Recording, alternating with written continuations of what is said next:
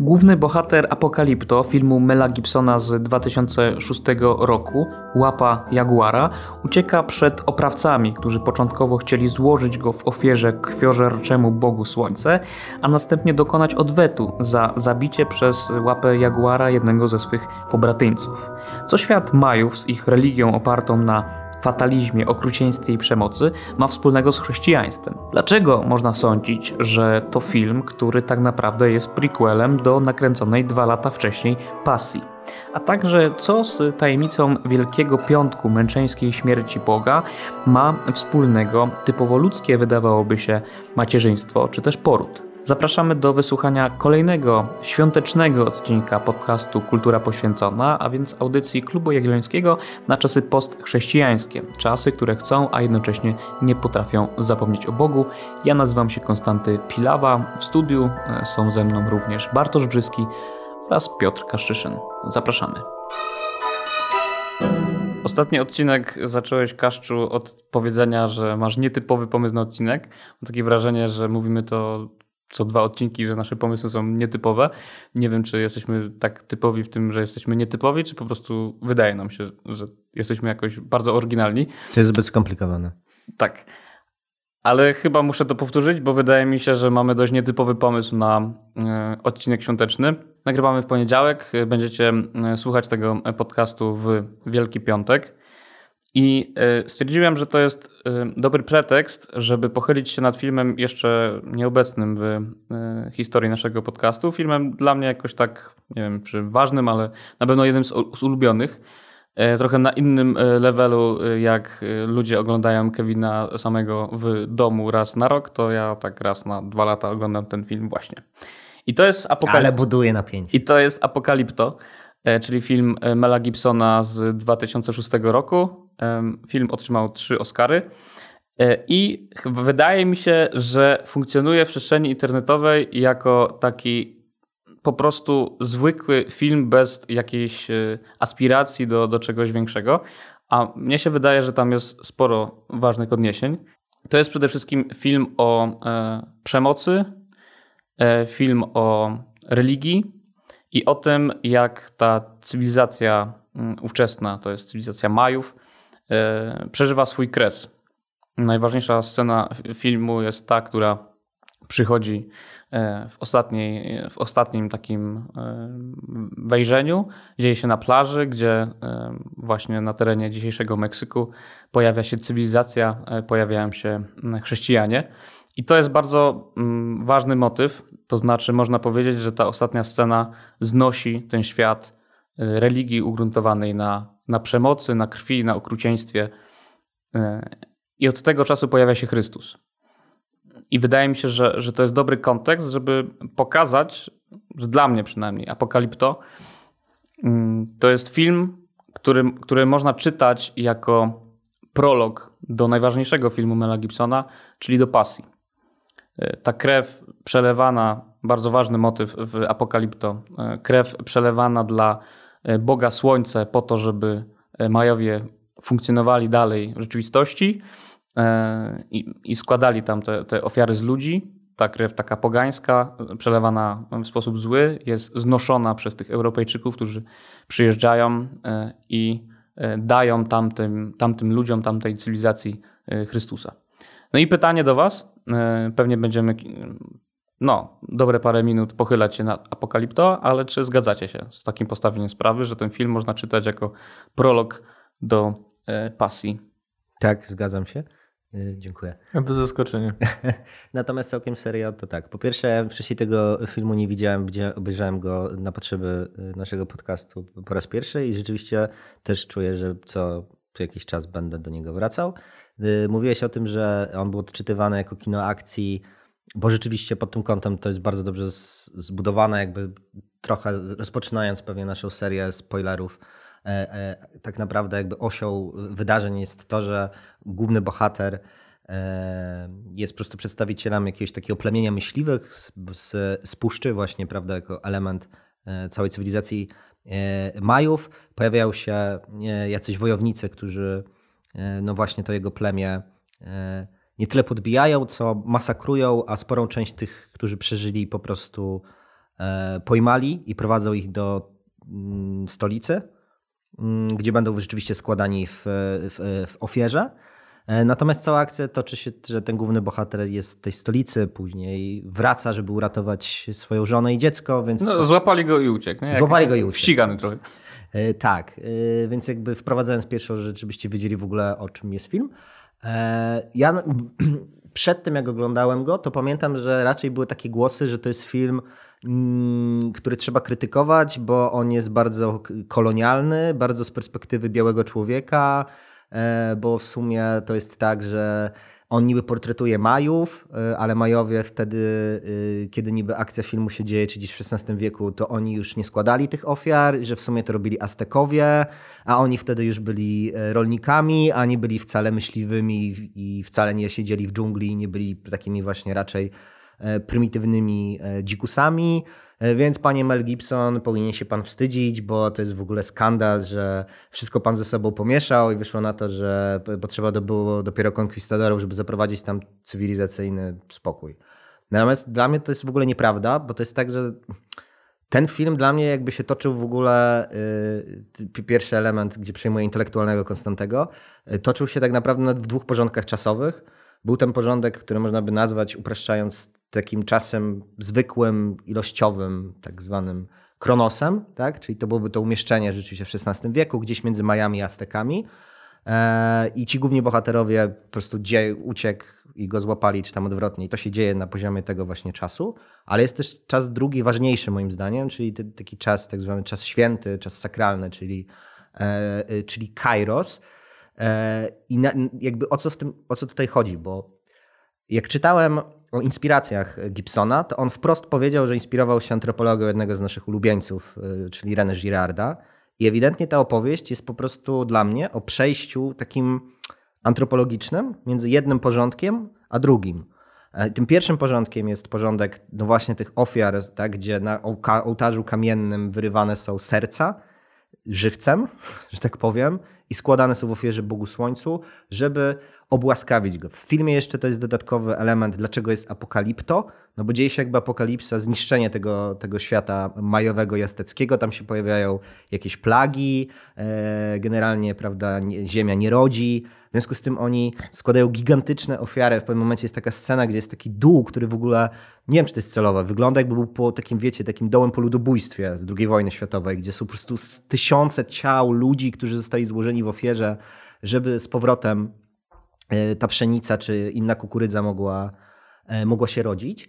E, I w ten sposób mamy do czynienia właśnie, że ten porządek, gdzie składane są ofiary z ludzi dla Boga Słońca, jest znoszony przez drugi porządek, który symbolizuje w ostatniej scenie prawda, statki konkwistadorów, gdzie mamy zbliżenie kamery na krzyż, więc jakby jest jasne, że teraz pojawia się Jezus, e, czyli taki Bóg, który nie oczekuje krwawych ofiar z ludzi, Nieco więcej, mówiąc do, nawiązując do Starego Testamentu, nie oczekuje też ofiar ze zwierząt, tylko sam daje swojego syna, który teraz ma złożyć się, prawda, swoją ofiarę na krzyżu i zakończyć cały ten krąg przemocy, jakby to powiedział René Girard. I ostatnia rzecz, która moim zdaniem jest istotna, bo znowu to się wiąże z tym pierwotnym odczytaniem kolonialnym.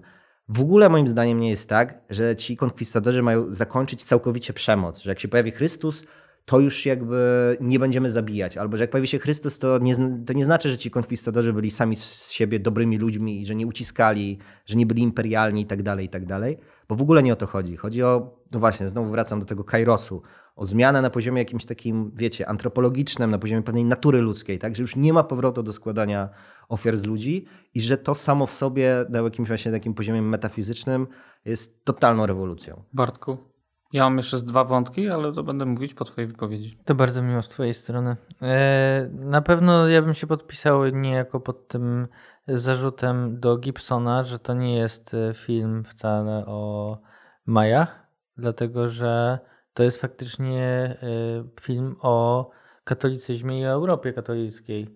Bo jakby to jest trochę obraz przez zaprzeczenie, tak? Że przez 95% filmu pokazujesz obraz, a później pokazujesz symbolicznie, co tak na dobrą sprawę Europa zniosła nie? i co przede wszystkim katolicyzm zniósł i Jezus Chrystus. Więc w tym sensie to jest, e, to, to jest prawdziwe, że trochę używasz tego jako e, jako pretekstu, żeby powiedzieć o tym, kim jesteś, żeby sobie przypomnieć, jak wyglądałaby rzeczywistość bez, e, bez Jezusa. I ona jest dosyć starotestamentowa w tym rozumieniu, że w Starym Testamencie jednak nie składało się e, ludzi w ofierze, tylko zwierzęta. E, natomiast e, to składanie, jakby, bo zasadniczo krew była możliwością odkupienia, tak? była walutą niejako, antropologicznie patrząc, tylko że faktycznie te południowo czy środkowoamerykańskie cywilizacje były mocno osadzone jednak na, na ofiarach, ofiarach z ludzi. Natomiast nasza przednowotestamentowa rzeczywistość też była okupiana mocną z krwią, czyli właściwie masz e, metafizycznie dwie jakby krwi, nie? znaczenie krwi, albo ludzkiej, albo boskiej. E, I dlatego my uważamy, że, że ta, to, w czym my dzisiaj funkcjonujemy, jest osadzone na, na krwi Boga i ją czcimy. Dlatego, I jakby dzięki temu my nie musimy już płacić, e, płacić e, krwią w ogóle. Znaczy, możemy wrócić do tych, do tych czasów i to jest przerażające. Jeżeli popatrzymy sobie na w ogóle na, na dzieje naszej cywilizacji, no to przecież wszelkiego rodzaju mordy etniczne, mordy historyczne były niejako mordami założycielskimi, czyli mimo wszystko można powiedzieć, że w tych momentach kiedy ciemność e, zapada nad nami, no to wracamy do takich właśnie przedhistorycznych czasów, gdzie musimy zamordować, nie wiem, e, jakąś grupę etniczną, czy, czy jakąś część, nie wiem, polityczną, tak, żeby stworzyć tą nową rzeczywistość. I to jest jakiś i to pokazuje, że no nawet tak w XX, w XX wieku to już było absolutnie moment pikowy jakby można wywodzić to z, oświe z oświecenia i zasadniczo wszystko, co się zaczęło po, e, po momencie, kiedy zaczęliśmy wątpić w tym, na czym nasza cywilizacja została ufundowana, ufundowana to pewne problemy, mam wrażenie, e, wróciły. E, natomiast no, widzimy dokładnie, co znaczy e, krew e, w tym filmie, bo jeżeli patrzymy dzisiaj na to, co, jak jest przedstawiane cierpienie, męczeństwo, yy, przemoc, to ona jest jednak mocno stylizowana, ona jest zapośredniczona przez, yy, przez to, że oglądamy jakieś niby krwawe filmy czy krwawe, yy, nie wiem, kultura ogólnie, tak? Krwawość w niej. No ale w rzeczywistości, jeżeli popatrzymy sobie na, takie, na takie filmy Gibsona, bo to jest i w Pasji, i w Apokalipto, czyli taką przemoc naprawdę pokazaną możliwie bezpośrednio, no to, to jest przemoc absolutnie przerażająca. Nie? To jest zupełnie co innego niż. Yy, niż, e, niż jesteśmy przyzwyczajeni jako konsumenci przemocy. Ta przemoc, którą my konsumujemy, ona nie jest na serio. Nie? I być może też dlatego, e, dlatego zapominamy, bo nawet jak oglądamy dzisiaj te obrazy ze wschodu, to wydaje nam się, że my widzimy przemoc, nie? a my widzimy tylko jakiś odprysk tej przemocy, jakiś, jakiś skutek jej, a, a nie to, jaka ona jest i jaka ona jest naprawdę. To ja tylko jedno zdanie, trochę polemiki, trochę doprecyzowania, bo jednak w Apokalipto ta przemoc ma więcej w sobie y, istoty przemocowości niż te obrazy y, popkulturowe. Ona też jest trochę stylizowana, to znaczy tam jednak ze względu na tą konstrukcję, y, mówiłem o tym czasie Kairos, to ze sobą pociągnie konsekwencję taką, że to jest pewna opowieść symboliczna. I dla mnie to, ja miałem poczucie, że to jest jednocześnie jakiś taki, wiecie, jak z boskiej komedii, zejście do piekieł, jak ten główny bohater razem ze swoimi współbratyńcami z tego plemienia, z tej swojej dżungli, gdzie oni zasadniczo byli też brutalni jakoś wobec przyrody, ale sami wobec siebie byli życzliwi, żartowali, jakby tam była dobra wspólnota, bardziej taki, e, jakby, no, nie mam lepszego słowa, dobry dzikus, tak? Ale później, jak oni są coraz bardziej się zbliżają do tej, do tej stolicy, gdzie mają być składani w ofierze, no to naprawdę to jest inferalna podróż. No nie? To jest trochę jak do jakiegoś. Ja miałem takie poczucie, nie wiem, czy to było celowe, E, jak, do, jak w jądrze ciemności mieliśmy podróż, prawda, wiwisekcję kolonialnej istoty cywilizacji europejskiej z końca XIX wieku, gdzie coraz głębiej schodziliśmy do dżungli, to tutaj mamy coś takiego wobec tych pierwotnych, yy, pierwotnych cywilizacji, bo się zgadzam, że tam naprawdę można by podstawić za Majów Azteków, za Azteków można by podstawić to nie ma znaczenia. No. Wikingów w dużej mierze, tak?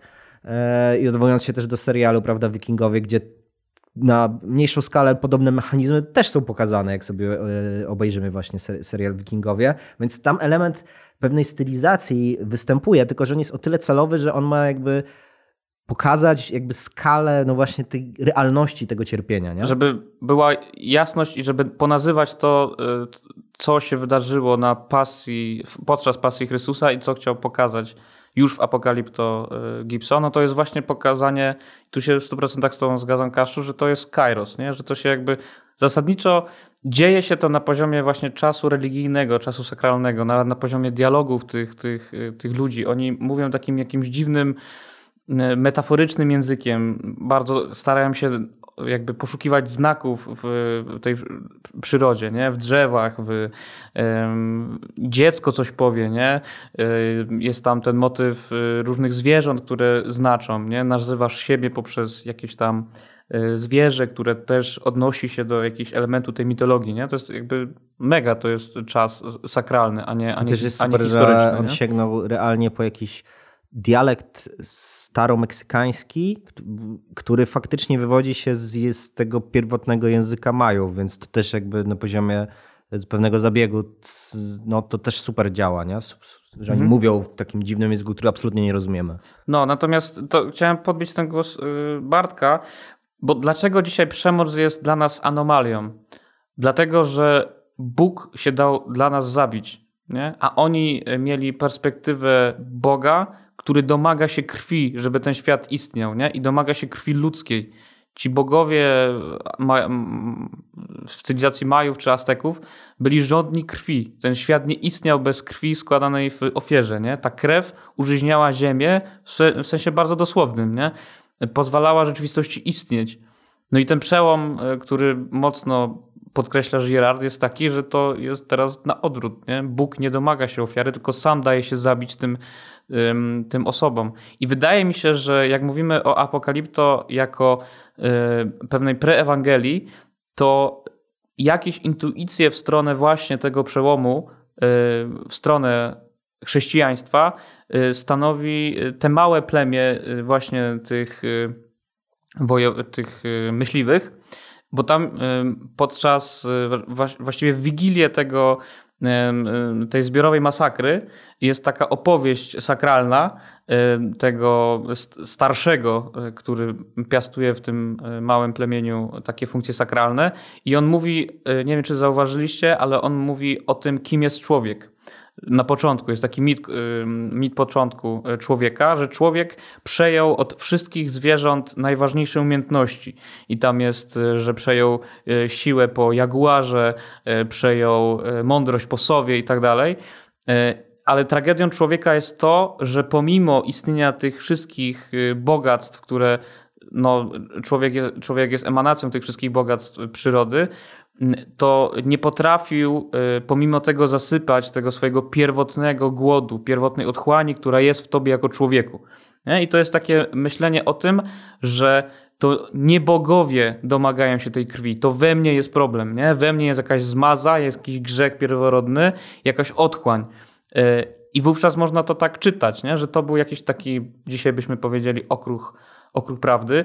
No bo jednak te małe plemię, nie wiem, czy należało do całej tej cywilizacji Majów, czy było jakimś właśnie takim dziwną hybrydą w lesie poza cywilizacją w ogóle. Nie? Ta, w tej cywilizacji było składanie ofiar z ludzi po to, żeby w ogóle podtrzymać y, dzięki tej krwi całą rzeczywistość, a wydaje mi się, że te plemię, małe plemię myśliwych w ogóle nie składało ofiar z z ludzi, nie? Ta scena, której Kostek ty mówiłeś, która w ogóle y, mogliśmy nawet od niej zacząć, bo chyba jest moim zdaniem jest najważniejsza w ogóle sceną w całym tym filmie. Ona pokazuje jasno, w tej opowieści na końcu jest coś takiego, że ta sowa mówi do tych pozostałych zwierząt, że y, bo te zwierzęta twierdzą, że super, super, daliśmy wszystkie umiejętności człowiekowi i on teraz tą swoją, tam jest takie, chyba nawet wprost jest pojęcie dziurę i jakiejś samotności, że on to wszystko sobie teraz zapełni i już będzie mega super fajnie, tak? I to jest właśnie ten humanistyczny mit, o którym ty mówisz, nie? A sowa, która to jest w ogóle ciekawe, że, że niczym u Hegla Minerva, symbol mądrości, mówi nie, w ogóle tak nie będzie,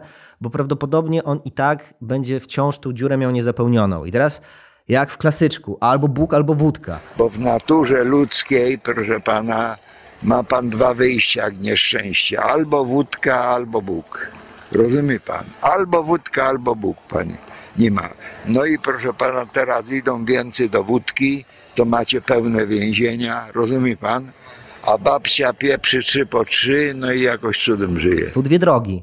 Albo człowiek może się wyrodzić w, w, przemoc, dominację i władzę, i to jest ten model, który później widzimy w tej stolicy Azteków, który prowadzi finalnie do tego, że składasz ofiary z ludzi, e, czyli po prostu pójdziesz w stronę demona i szatana e, i diabła, albo jest druga droga, E, I moim zdaniem to jest klucz tej, tej sceny, bo ta dziura, ona może jednocześnie nas jakby, może być tym dołem, z którego nigdy się nie wydostaniemy, ale to też jest taka dziura, którą może zapełnić Bóg, bo dla mnie to była po prostu metafora człowieka jako capax dei z katechizmu Kościoła katolickiego, że nigdy ta dziura nie zostanie zapełniona, dopóki się nie zjednoczymy z Panem Bogiem. Wiadomo, że w cywilizacji Majów nigdy to nie było możliwe, dlatego tak zarąbiście ważne była ta ostatnia scena, w której przypłynęli, yy, przypłynęli ci konkwistadorzy. Tylko znowu, żeby raz jeszcze to podkreślić, moim zdaniem to jest mega istotne, bo to nie jest tak, że to jakby kończy historię, tylko ta historia będzie się dalej działa, bo ta natura ludzka skażona tym grzechem pierworodnym, ona cały czas jest skażona, dopóki nie będzie powrotu Chrystusa. Więc ta alternatywa, że pójdziemy dalej w tą dominację i władzę, ona cały czas będzie, będzie wracać, nie tylko wracać w tych, nazwijmy to, pogańskich cywilizacjach, jak nie wiem, Trzecia Rzesza, ale też wewnątrz państw katolickich, formalnie, które w praktyce nie funkcjonowały aż tak fajnie, jakbyśmy sobie tego chcieli. Sami konkwistadorzy e, stety, niestety tak, e, tak nie funkcjonowali. Ostatnia rzecz, która w tym kontekście mi przyszła do głowy, jak właśnie myślałem sobie o tej władzy i dominacji, no to jak mieliśmy wczorajsze czytanie e, świętego Pawła, z listu do świętego Pawła, mówię o czytaniu z niedzieli palmowej, no to tam zwróciłem uwagę na, na jedno pojęcie, że Chrystus przyjął postać sługi. I to jest dla mnie, wiecie, jak taka arystotelesowska forma istnienia, że on jakby był sługą. Nie był tym, który dominuje, tylko był tym, który służy, w związku z tym był tym, który oddawał siebie w ofierze, więc był dokładnym przeciwieństwem e, tej azteckiej e, monarchii, tak jak została pokazana w filmie. Ja mam tutaj wątek jeszcze jeden, który może trochę jest polemiczny do ciebie, Kaszczu, e, bo mówiłeś o tym, że te katolickie cywilizacje, ta, która przyjeżdża, przypływa do Majów, że ona mimo tego, że jest nominalnie e, chrześcijańska, no to niewiele się zmienia. Mm, no, tak, bo to jest racja, tak? Jakby to nie jest tak, że postkolonializm wziął się z, kosmosu i e, dobrze się stało, jak się stało w historii. Nie, nie o to mi chodzi. Natomiast w tym, jak mówiłeś, to y, przypomniał mi się tekst, y, jakby jak zaczyna się y, piosenka Kazika o tytule Krew Boga. Wszystko wydaje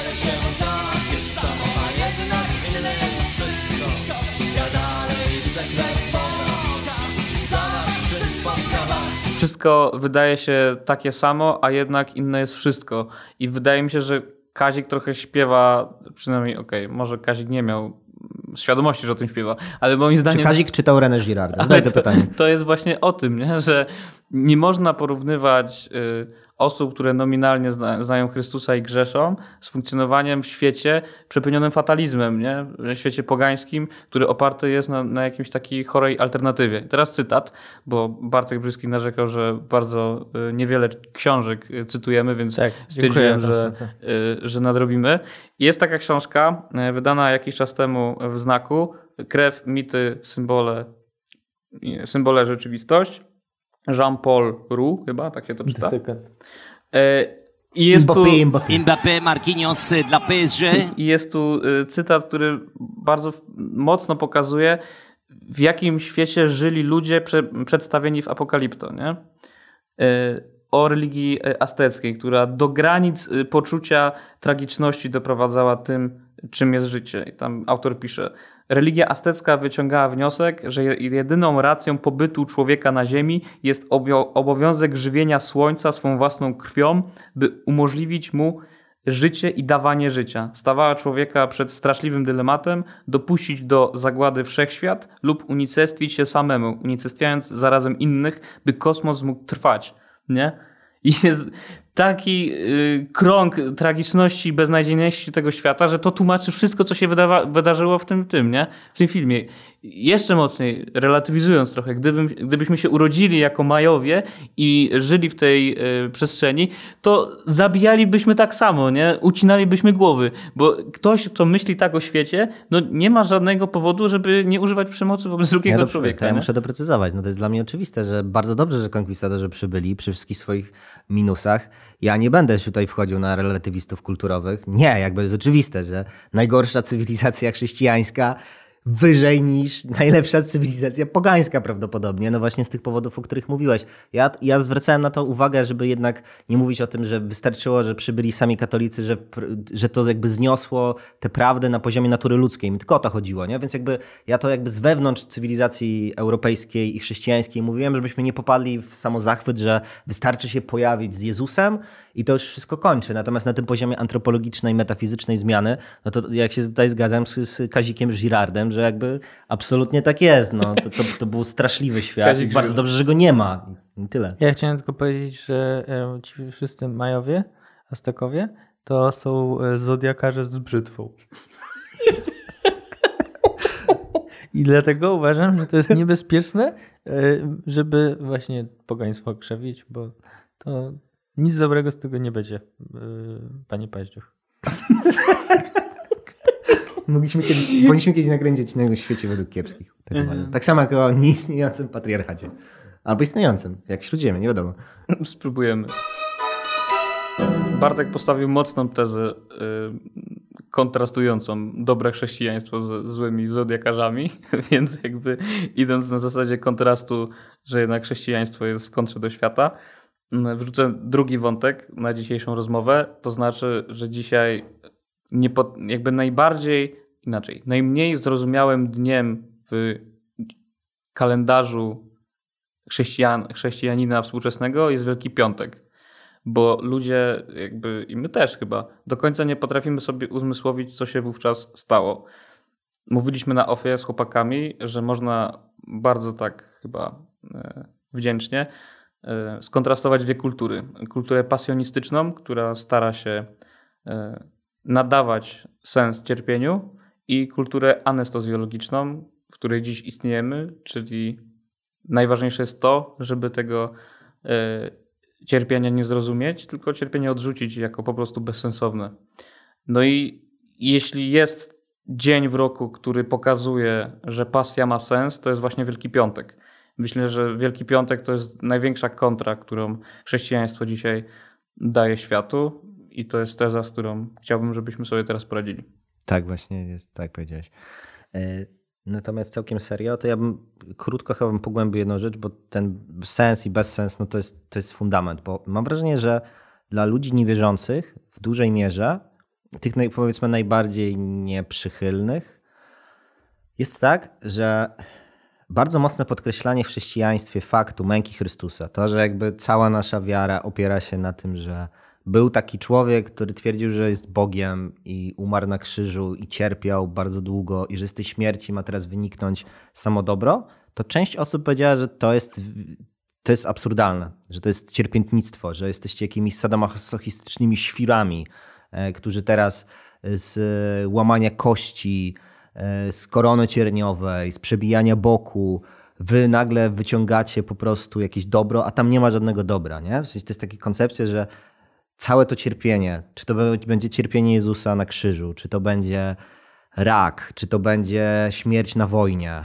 e, jako cywil, że to nie ma żadnego właśnie, tak mówiłeś, nie ma sensu, jest jakimś takim wręcz metafizycznym skandalem. I teraz trzeba zrobić wszystko, żeby jakiekolwiek przejawy cierpienia usunąć z tego świata. Tak? Jak patrzymy na współczesną, e, upraszczając oczywiście, i szeroko rozumiejąc kulturę czy światopogląd lewicowy, to tam jest takie mocne założenie, że wszelkie cierpienie i, i jakiś wszelki dyskomfort y, trzeba usunąć ze świata, zarówno fizyczny, jak i psychiczny, y, jak i jakiś taki, nie wiem, nazwać to ideowy, tak? I że to jest jakby jedna strona, tak? I przychodzimy teraz my, no i teraz musimy się tłumaczyć.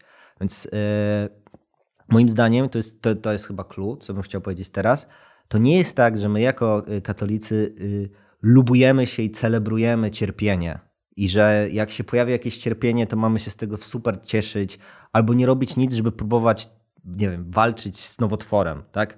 Czy jeżeli y, złamiemy sobie nogę, to nie będziemy szli do, do szpitala, bo Pan Jezus by tego zabronił. E, nie, chodzi o to, że jakby my oczywiście zmniejszamy to cierpienie, bo też mamy fragmenty w Ewangelii mówiące o tym, że Jezus mówi, że to, co uczyniliście najmniejszym, uczyniliście mi, tak? I macie przyodziać, nakarmić i tak dalej, i tak dalej. To jest jasne, że w tym katalogu mieści się też pójście na SOR. E, natomiast ta różnica podstawowa jest taka, że my nie traktujemy cierpienia jako metafizycznego skandalu, tylko w tym cierpieniu oczywiście się z nim mierzymy, próbujemy je jakoś zmniejszyć bądź wyeliminować, ale jesteśmy świadomi, że w momentach, w których jesteśmy już bezradni, to nie popadamy w ten fatalizm. Nie, nie mówimy, że e, to jest już totalne skurczyństwo i nienawidzę cię za to Boże, chociaż pewnie takie głosy w momentach jakby słabości i tak dalej też się będą w jakimś stopniu pojawiać, ale że jednak zawierzamy w tę tajemnicę Bożą i nadajemy, tak mówisz, ten sens, tak? Łączymy się z Chrystusem w tej męce i choć tego nie do końca rozumiemy, bo nie udawajmy, że będziemy to rozumieć, że nie wiem, rozumiemy tak Księgę Hioba, e, bo wydaje mi się, że tego na jakimś levelu nie da się zrozumieć, dlatego po prostu e, po prostu zawierzamy. No i to jest jakiś taki, jakiś taki fundament, który wydaje mi się, że że dzisiaj e, też e, trochę w samym katolicyzmie, to się zgadzam z tobą, jest jakoś tam eliminowany po prostu, nie? Albo jakby trochę zagadywany, albo trochę spychany na, na drugi tor. Nie wiem, w sumie trochę zagieriliśmy dzisiaj mnie z tym tematem. Mogę powiedzieć, że faktycznie można nie rozumieć, tylko rozważać, nie? że my rozważamy różne księgi, że to jest jakaś tajemnica, z której próbujemy wyczytać prawdę. E, I to chyba też się w tym Wielkim Tygodniu najbardziej w ogóle w ciągu roku robi, to znaczy rozważa się pewne tajemnice, które są w, też w naszym życiu, nie? E, to jest jedna rzecz, a druga rzecz jest taka, że to cierpienie też jest jakąś e, wielką jakimś pytaniem i wielką tajemnicą, chyba jedno z, jedną z większych i głównym wyrzutem, tak? Znaczy czemu cierpienie jest, po co ono jest, czy ono jest sprawiedliwe, czy ono jest różnie e, jakby dzielone po ludziach. E, no i jedna z tych interpretacji jest taka, że każdy dostaje taką ilość e, prawda, krzyża, który jest w stanie unieść, ale to też jest jakieś takie bardzo proste, prosta interpretacja, bo jest faktycznie cierpienie, które jest skandalem jakoś, tak, którego nie, nie rozumiemy i też jakby jako katolicy chyba musimy sobie powiedzieć wprost, że po prostu nie znamy odpowiedzi na pewne, na pewne pytanie i że ta wizja świata nie jest domknięta, że ona jest właśnie, że można ją rozważać, ale jej się do końca e, do końca nie rozumie. Natomiast powiedziałeś o Jezusie, który nakazywał e, nakazywał e, przyodziać, nakarmić i tak dalej. I chyba, i, i to jest ta cywilizacyjno-twórczy aspekt w ogóle nauk Jezusa, że masz działać we wspólnocie i masz rozwiązywać część problemów. To znaczy, to nie jest tak, że Bóg daje reguły, którym się życie e, toczy i, i jakby eliminuje wszystkie punkty, w którym jest jakiś problem, opór i tak dalej, tylko że ty jesteś elementem tej społeczności i ty masz się e, tobie ktoś rozwiąże problemy i ty masz je rozwiązać komuś innemu. I to jest wymiar jakiejś e, wspólnototwórczej, w ogóle cywilizacyjny, czyli no z tego można całą właśnie e, katechizmową naukę i całe reguły rządzące relacjami międzyludzkimi, państwem i wszystkim innym wywodzić od tych prostych zdań, które Jezus E, Jezus przynosi, czyli mówi wprost: Ja tego nie rozwiążę, tylko ty masz to zrobić, jeżeli ty spotkasz tego, mm, e, tego człowieka. I wydaje mi się, że to jest chyba też, nie wiem, jakaś wskazówka, że za często patrzymy i oczekujemy czegoś e, od, od Pana Boga, żeby rozwiązał jakieś problemy, a naszym, a mamy się skupić, co jest naszą e, modlitwą, czyli tak, prośba o, o pomoc o modlitwą i tak dalej, to jest oczywista rzecz, ale w, w, w drugim, e, w drugim kroku to też jest chyba tak, że cywilizacja, tak jak się rozwija, pokazuje, że właśnie poprzez e, coraz lepsze e, odpowiadanie na to wezwanie Jezusa, nasze życie, generalnie każdych kolejnych pokoleń jest lepsze, tak? Czyli jakby my sami jesteśmy wiele z tych punktów w stanie, e, w stanie rozwiązać. Jeżeli w historii świata patrzymy na to, że my mamy się zbliżać do, do Boga, to, to też jest jakby nakreślona po prostu jakaś wielka droga, nie? którą mamy po prostu e, chyba przebyć aż do momentu, kiedy, kiedy Jezus Jezus powróci, więc e, wydaje mi się, że po prostu powinniśmy ten, te oczy skierować z nieba czasem na, e, na ziemię i, i zająć się po prostu swoją częścią, bo po prostu jest, jest to oczywiste, że nie rozpoznamy prawdy o Bogu i prawdy o tym świecie tu na ziemi, tylko ona jest pewną tajemnicą i, i tyle. W tym wątku, który wrzucałeś, Bartek, to jest też takie trochę zagrożenie, że będziemy pojmowali E, liturgię dziejów jako postęp i budowanie e, coraz lepszego świata, a to trochę nie jest tak, no bo wiesz, możesz powiedzieć, że mówisz z perspektywy Polaka, masz mądrość etapu 30-letnich progres, pro, progresu gospodarczo wszelakiego i coraz mniej cierpienia w świecie, a 20 km od polskiej granicy dzieje się to, co dzieje, nie? więc jakby no tak, dygresja, dlatego... ale to nie jest po prostu tak, że liturgia dziejów jest łączna, znaczy jest tym samym, co, co postęp w ostatnich, nie wiem, 200 lat cywilizacji, bo to masz te dwa rodzaje czasu, nie? Masz kairos i, i, i znowu czas e, ten historyczny, który no. Kronos.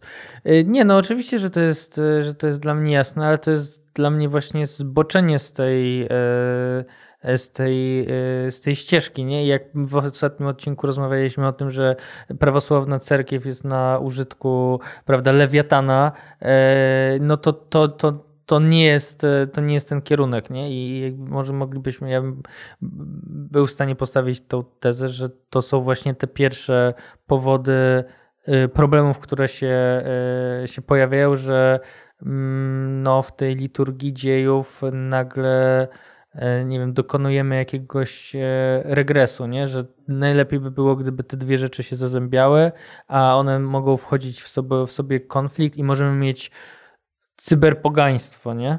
Jakby nie ma sprawy. Możemy mieć. Yy, Możemy mieć, już mamy się.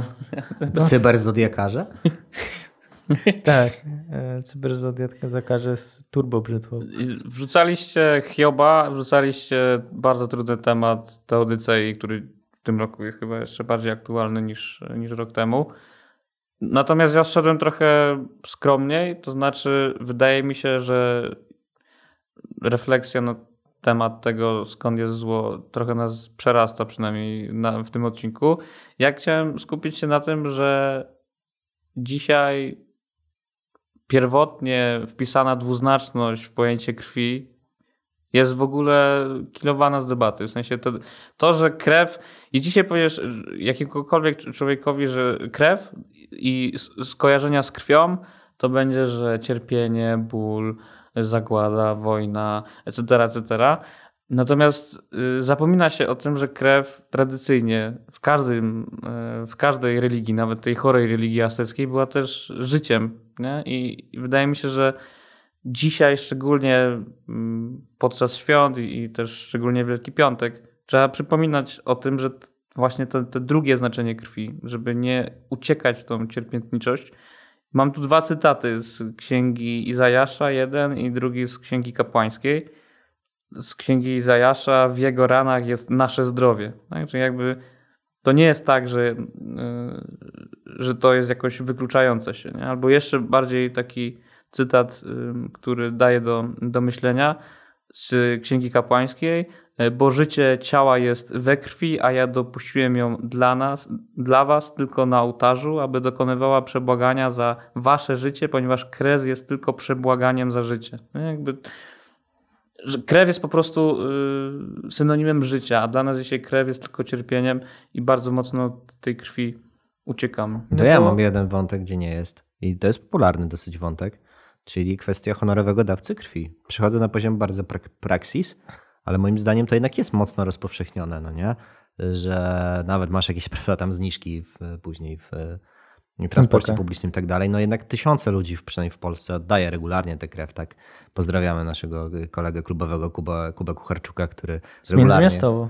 Tak, z Międzymiastowo, podcastu Międzymiastowo, proszę słuchać, też do znalezienia na Spotify i innych platformach, y, który to wspaniały Kuba regularnie przynosi nam czekolady mleczne, kokosowe i gorzkie, których nikt nie je. To jest odpowiednik anegdoty bobsleju z poprzedniego odcinka. Doskonała anegdota. Lepsza była o tych, jednak o tych. E, A nie, to było jeszcze w poprzednim odcinku. No, przepraszam.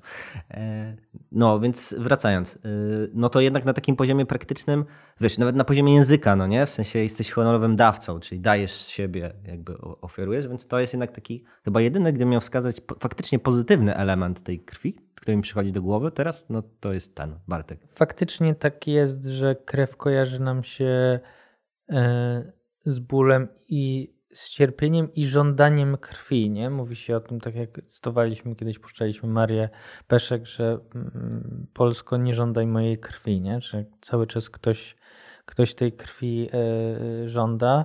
E, I takim najbardziej oczywistym chyba punktem, oprócz tego patriotycznego e, właśnie aspektu, e, że trzeba oddać krew za ojczyznę, no to bardziej taki od, prozaiczny dyskurs o tym, jak się mówi o, e, o rodzicielstwie, nie? O byciu, e, o byciu matką, że to dzisiaj jest często w dobie też dyskusji, tam protestów, wszystkich anty, znaczy pro-choice'owych, jak to nazwijmy, e, no to jest przedstawiane jako zagrożenie, jako, jako coś potencjalnie niebezpiecznego i no, w- cały ten dyskurs po pierwsze sprawia, że masz się tego niejako bać, e, że, że to wpłynie na ciebie bardziej niż, że nie masz, do, nie masz nad tym pełnej kontroli.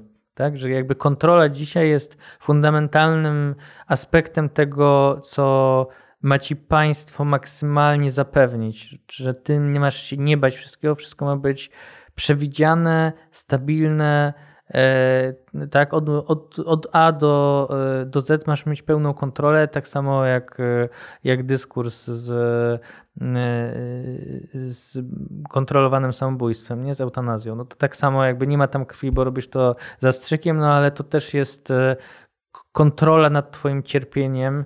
I tutaj chyba jest ta podstawowa różnica, jaką, jaką my mamy, że po prostu faktycznie jest tak, że katolicy dopuszczają dużo większą dozę niepewności w swoim życiu, dużo większą dozę takiej ofiary, która mówi: Nie wiem, co się stanie, no bo jakby umówmy się, y, ym, poród generalnie jest ofiarą, nie? Jest krwią, która jest e, życiodajna, ale jest też e, jest ofiarą tak na rzecz e, kolej, następnego życia, nie? E, Więc te rzeczy się tutaj zazębiają. No i pytanie, jak my to przedstawiamy, nie? Czy przedstawiamy to właśnie jako, jako zagrożenie, czy przedstawiamy to jako, jako coś, mm, coś, co ma wartość samo w sobie, samą w sobie, nie? E, I to jest chyba, wydaje mi się, że teraz jest bardziej to przedstawiane jako konieczność, jako coś, czego nie da się wyeliminować. Nie da się wyeliminować, żeby to wszystko było takie idealne, żeby dziecko absolutnie nie wpływało na kobietę. I chyba jest ten dy- dyskurs właśnie wynikający z jakiejś takiej katolickiej, nie wiem, antropologii, czy właśnie rozumienia świata, że, y, że to jest jakiś taki e, idealizm, nie? I że samo w sobie e, ta, te ofiary mają, mają głęboki sens. Ja tylko uzupełniający nie wobec macierzyństwa, tylko kwestii kontroli, no to tutaj e, w kontekście Wielkiego Tygodnia i Wielkiego Piątku szczególnie, no to symbolicznie właśnie e, ewangelicznym uzasadnieniem tej postawy antykontrolingowej, e, no to są, to jest postawa Jezusa w ogrodzie w Getsemani, tak, że Ojcze, jeżeli możesz, to odsuń ode mnie ten kielich, a Bóg Ojciec nie odsunął tego kielicha i Jezus jakby wszedł w, w tajemnicę dla Niego, prawdopodobnie tak zakładam teraz, że trochę będzie ryzyko, że dla niego to też była tajemnica, tak? On, to było realne zmaganie, skoro był Bogiem człowiekiem, to był też człowiekiem, więc ten element strachu w nim był i tak dalej. I jakby on się nie wycofał, nie kontrolował tego w jakimś stopniu. Być może on to interpretowuje, jak to klasycznie u nas. Eee, natomiast to jest dla mnie rzeczywiście w kontekście Wielkiego Tygodnia symbol rzeczywiście tego antykontrolingu, że zamiast przez przestudiowania wszystkich opcji i jakby sobie stworzenia pewnej wersji, w której będziemy teraz funkcjonować życia, to jest jakby zawierzenie jako przeciwieństwo tego kontrolingu. Sama kontrola to, to tak i oddanie się w Getsemani wyrokom wyższym niż y, swoje własne potrzeby, widzimy się i tak dalej, to, to jest ważny wątek. Y, natomiast y, w Twojej wypowiedzi, Bartek, wprowadziłeś trzeci temat, który chciałem dzisiaj zrobić i wrzucić taką tezę, że te porównanie do macierzyństwa nie, nie musi dotykać tylko i wyłącznie no właśnie sytuacji rodzącego się dziecka w konkretnym, w konkretnym przykładzie, ale można sobie wyobrazić taką analogię, że no właśnie, jak już mówimy o liturgii dziejów, że cała ludzkość jest trochę w takim prenatalnym okresie i Chrystus jest tak jak matka dla dziecka na, naszym karmicielem, nie? w takim sensie, że dzięki Jego krwi mamy życie i skoro jesteśmy w jakimś przedsionku, grube. przedsionku, to tak naprawdę nie żyjemy prawdziwie, Euchary... tylko, tylko jesteśmy, jesteśmy w okresie prenatalnym. Kościół jest jak pępowina, która... Tak, i Kościół jest tylko pępowiną do, do tego życia dojrzałego, które gdzieś tam czeka za nami dopiero za jakiś Czyli czas. jak nie? nie karmisz się Eucharystią, to jesteś jak zarodek, który obumiera. Tak, dokładnie. W Eucharystii y, Chrystus karmi nas swoim ciałem i krwią, byśmy mogli żyć y, Jego życiem, nie? W sensie, że jakby to, to jest to samo jak relacja matka, matki z, z dzieckiem. Poryłem się. To jest potężne. Mamo, to się Takie rzeczy u nas w podcaście y, właśnie wychodzą. To wy nie wiecie, o czym my gadamy wieczorem. My też nie wiemy, o czym my gadamy. Bo rozumiem, że chodzi po prostu o to, że jakby my się urodzimy jako Dla życia wiecznego. Dopiero w życiu wiecznym. I tak, wtedy tak. dopiero będziemy. No i to rodzi bardzo wiele skojarzeń i, i następnych tropów mówi się o tym, że dziecko w łonie matki jest totalnie zależne od matki. Nie? My też jesteśmy zależni od, od, od, zależni od, od swojego Boga. Nie? Czyli jakby ci, którzy uważają, że są tutaj super niezależni i są kontrolingowi, to jak jedyne co oni robią, to im się wydaje, że jak kopną od środka mamy w brzuch, to że już jakby są gigaczadami i że kontrolują wszystko. Tak? No to, to jest właśnie to, że nie jesteśmy samowystarczalni. Nie? Po prostu. Więc taki, taki wątek mi się, mi się wrzucił. Y, trochę w, w, inspiracji y, do tekstu, który powstanie, czy, czy już powstał, ale jest na etapie redakcji Cezarego Boryszewskiego. Obiecałem mu, że, że przywołałem ten tekst, no bo to jednak trop do następnej teki presji, która będzie skomplikowana i jeszcze nie będę zajawiać, co w niej się znajdzie, ale na pewno znajdzie się wątek ofiary, ofiary z krwi. I tam jest ten roboczy tytuł tego tekstu, to jest Moje ciało, twoja sprawa. Wow, wow, wow.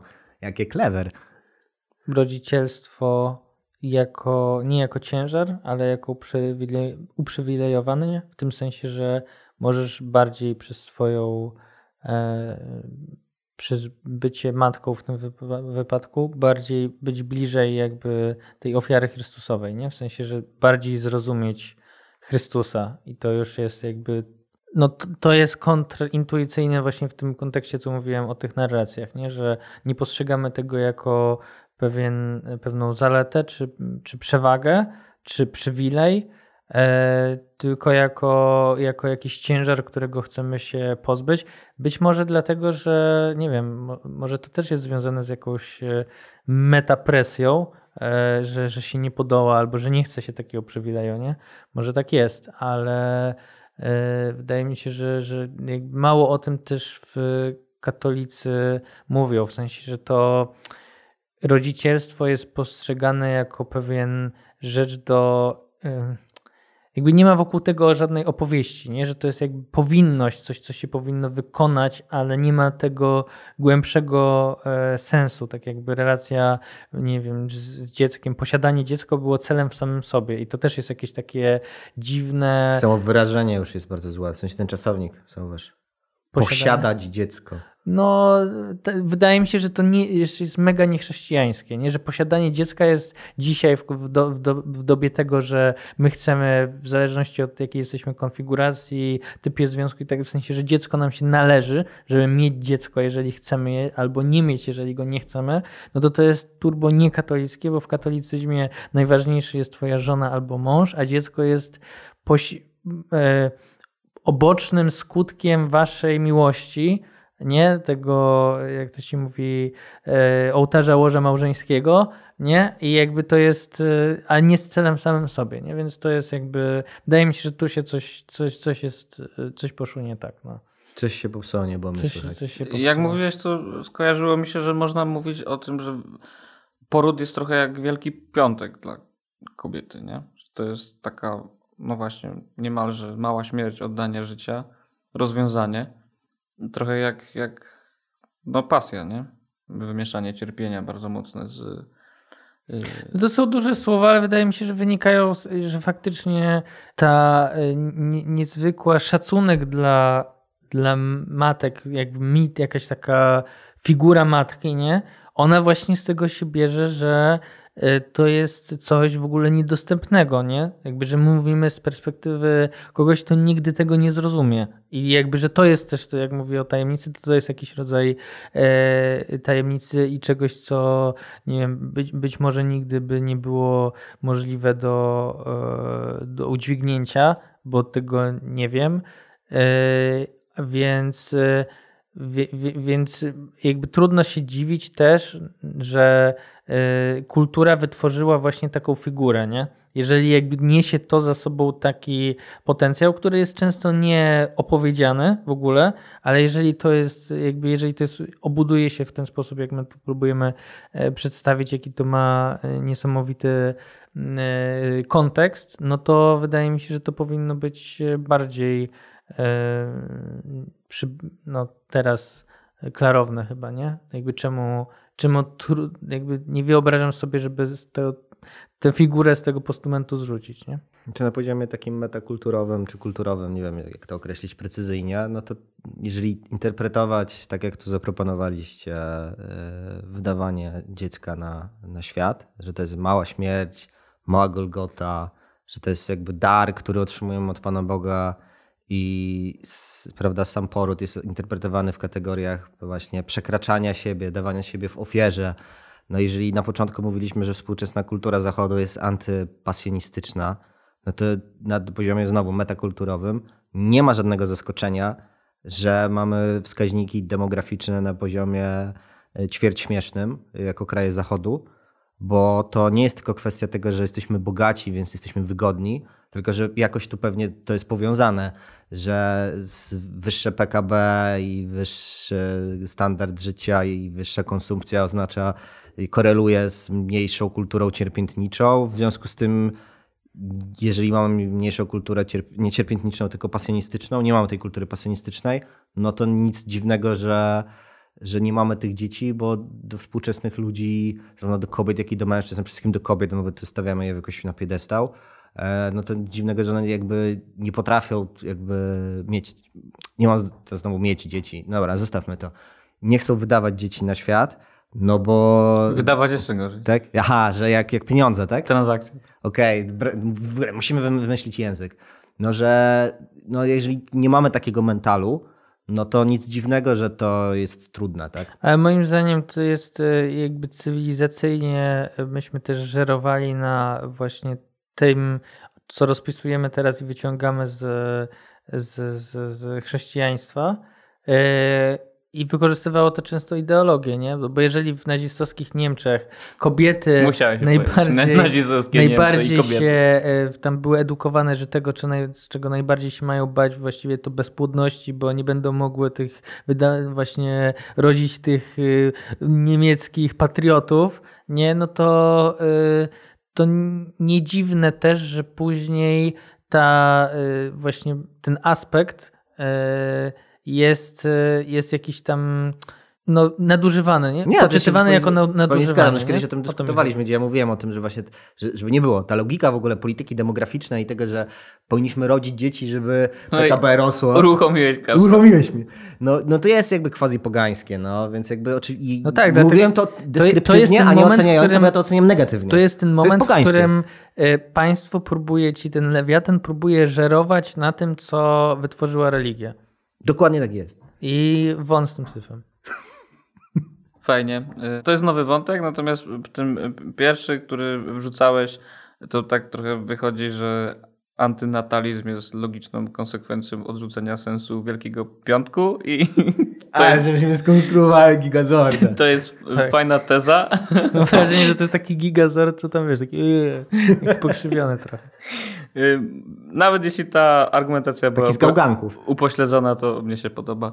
Y, Dobrze. Wszystkiego dobrego, kochani. Y, Tridum i Wielkiej Nocy.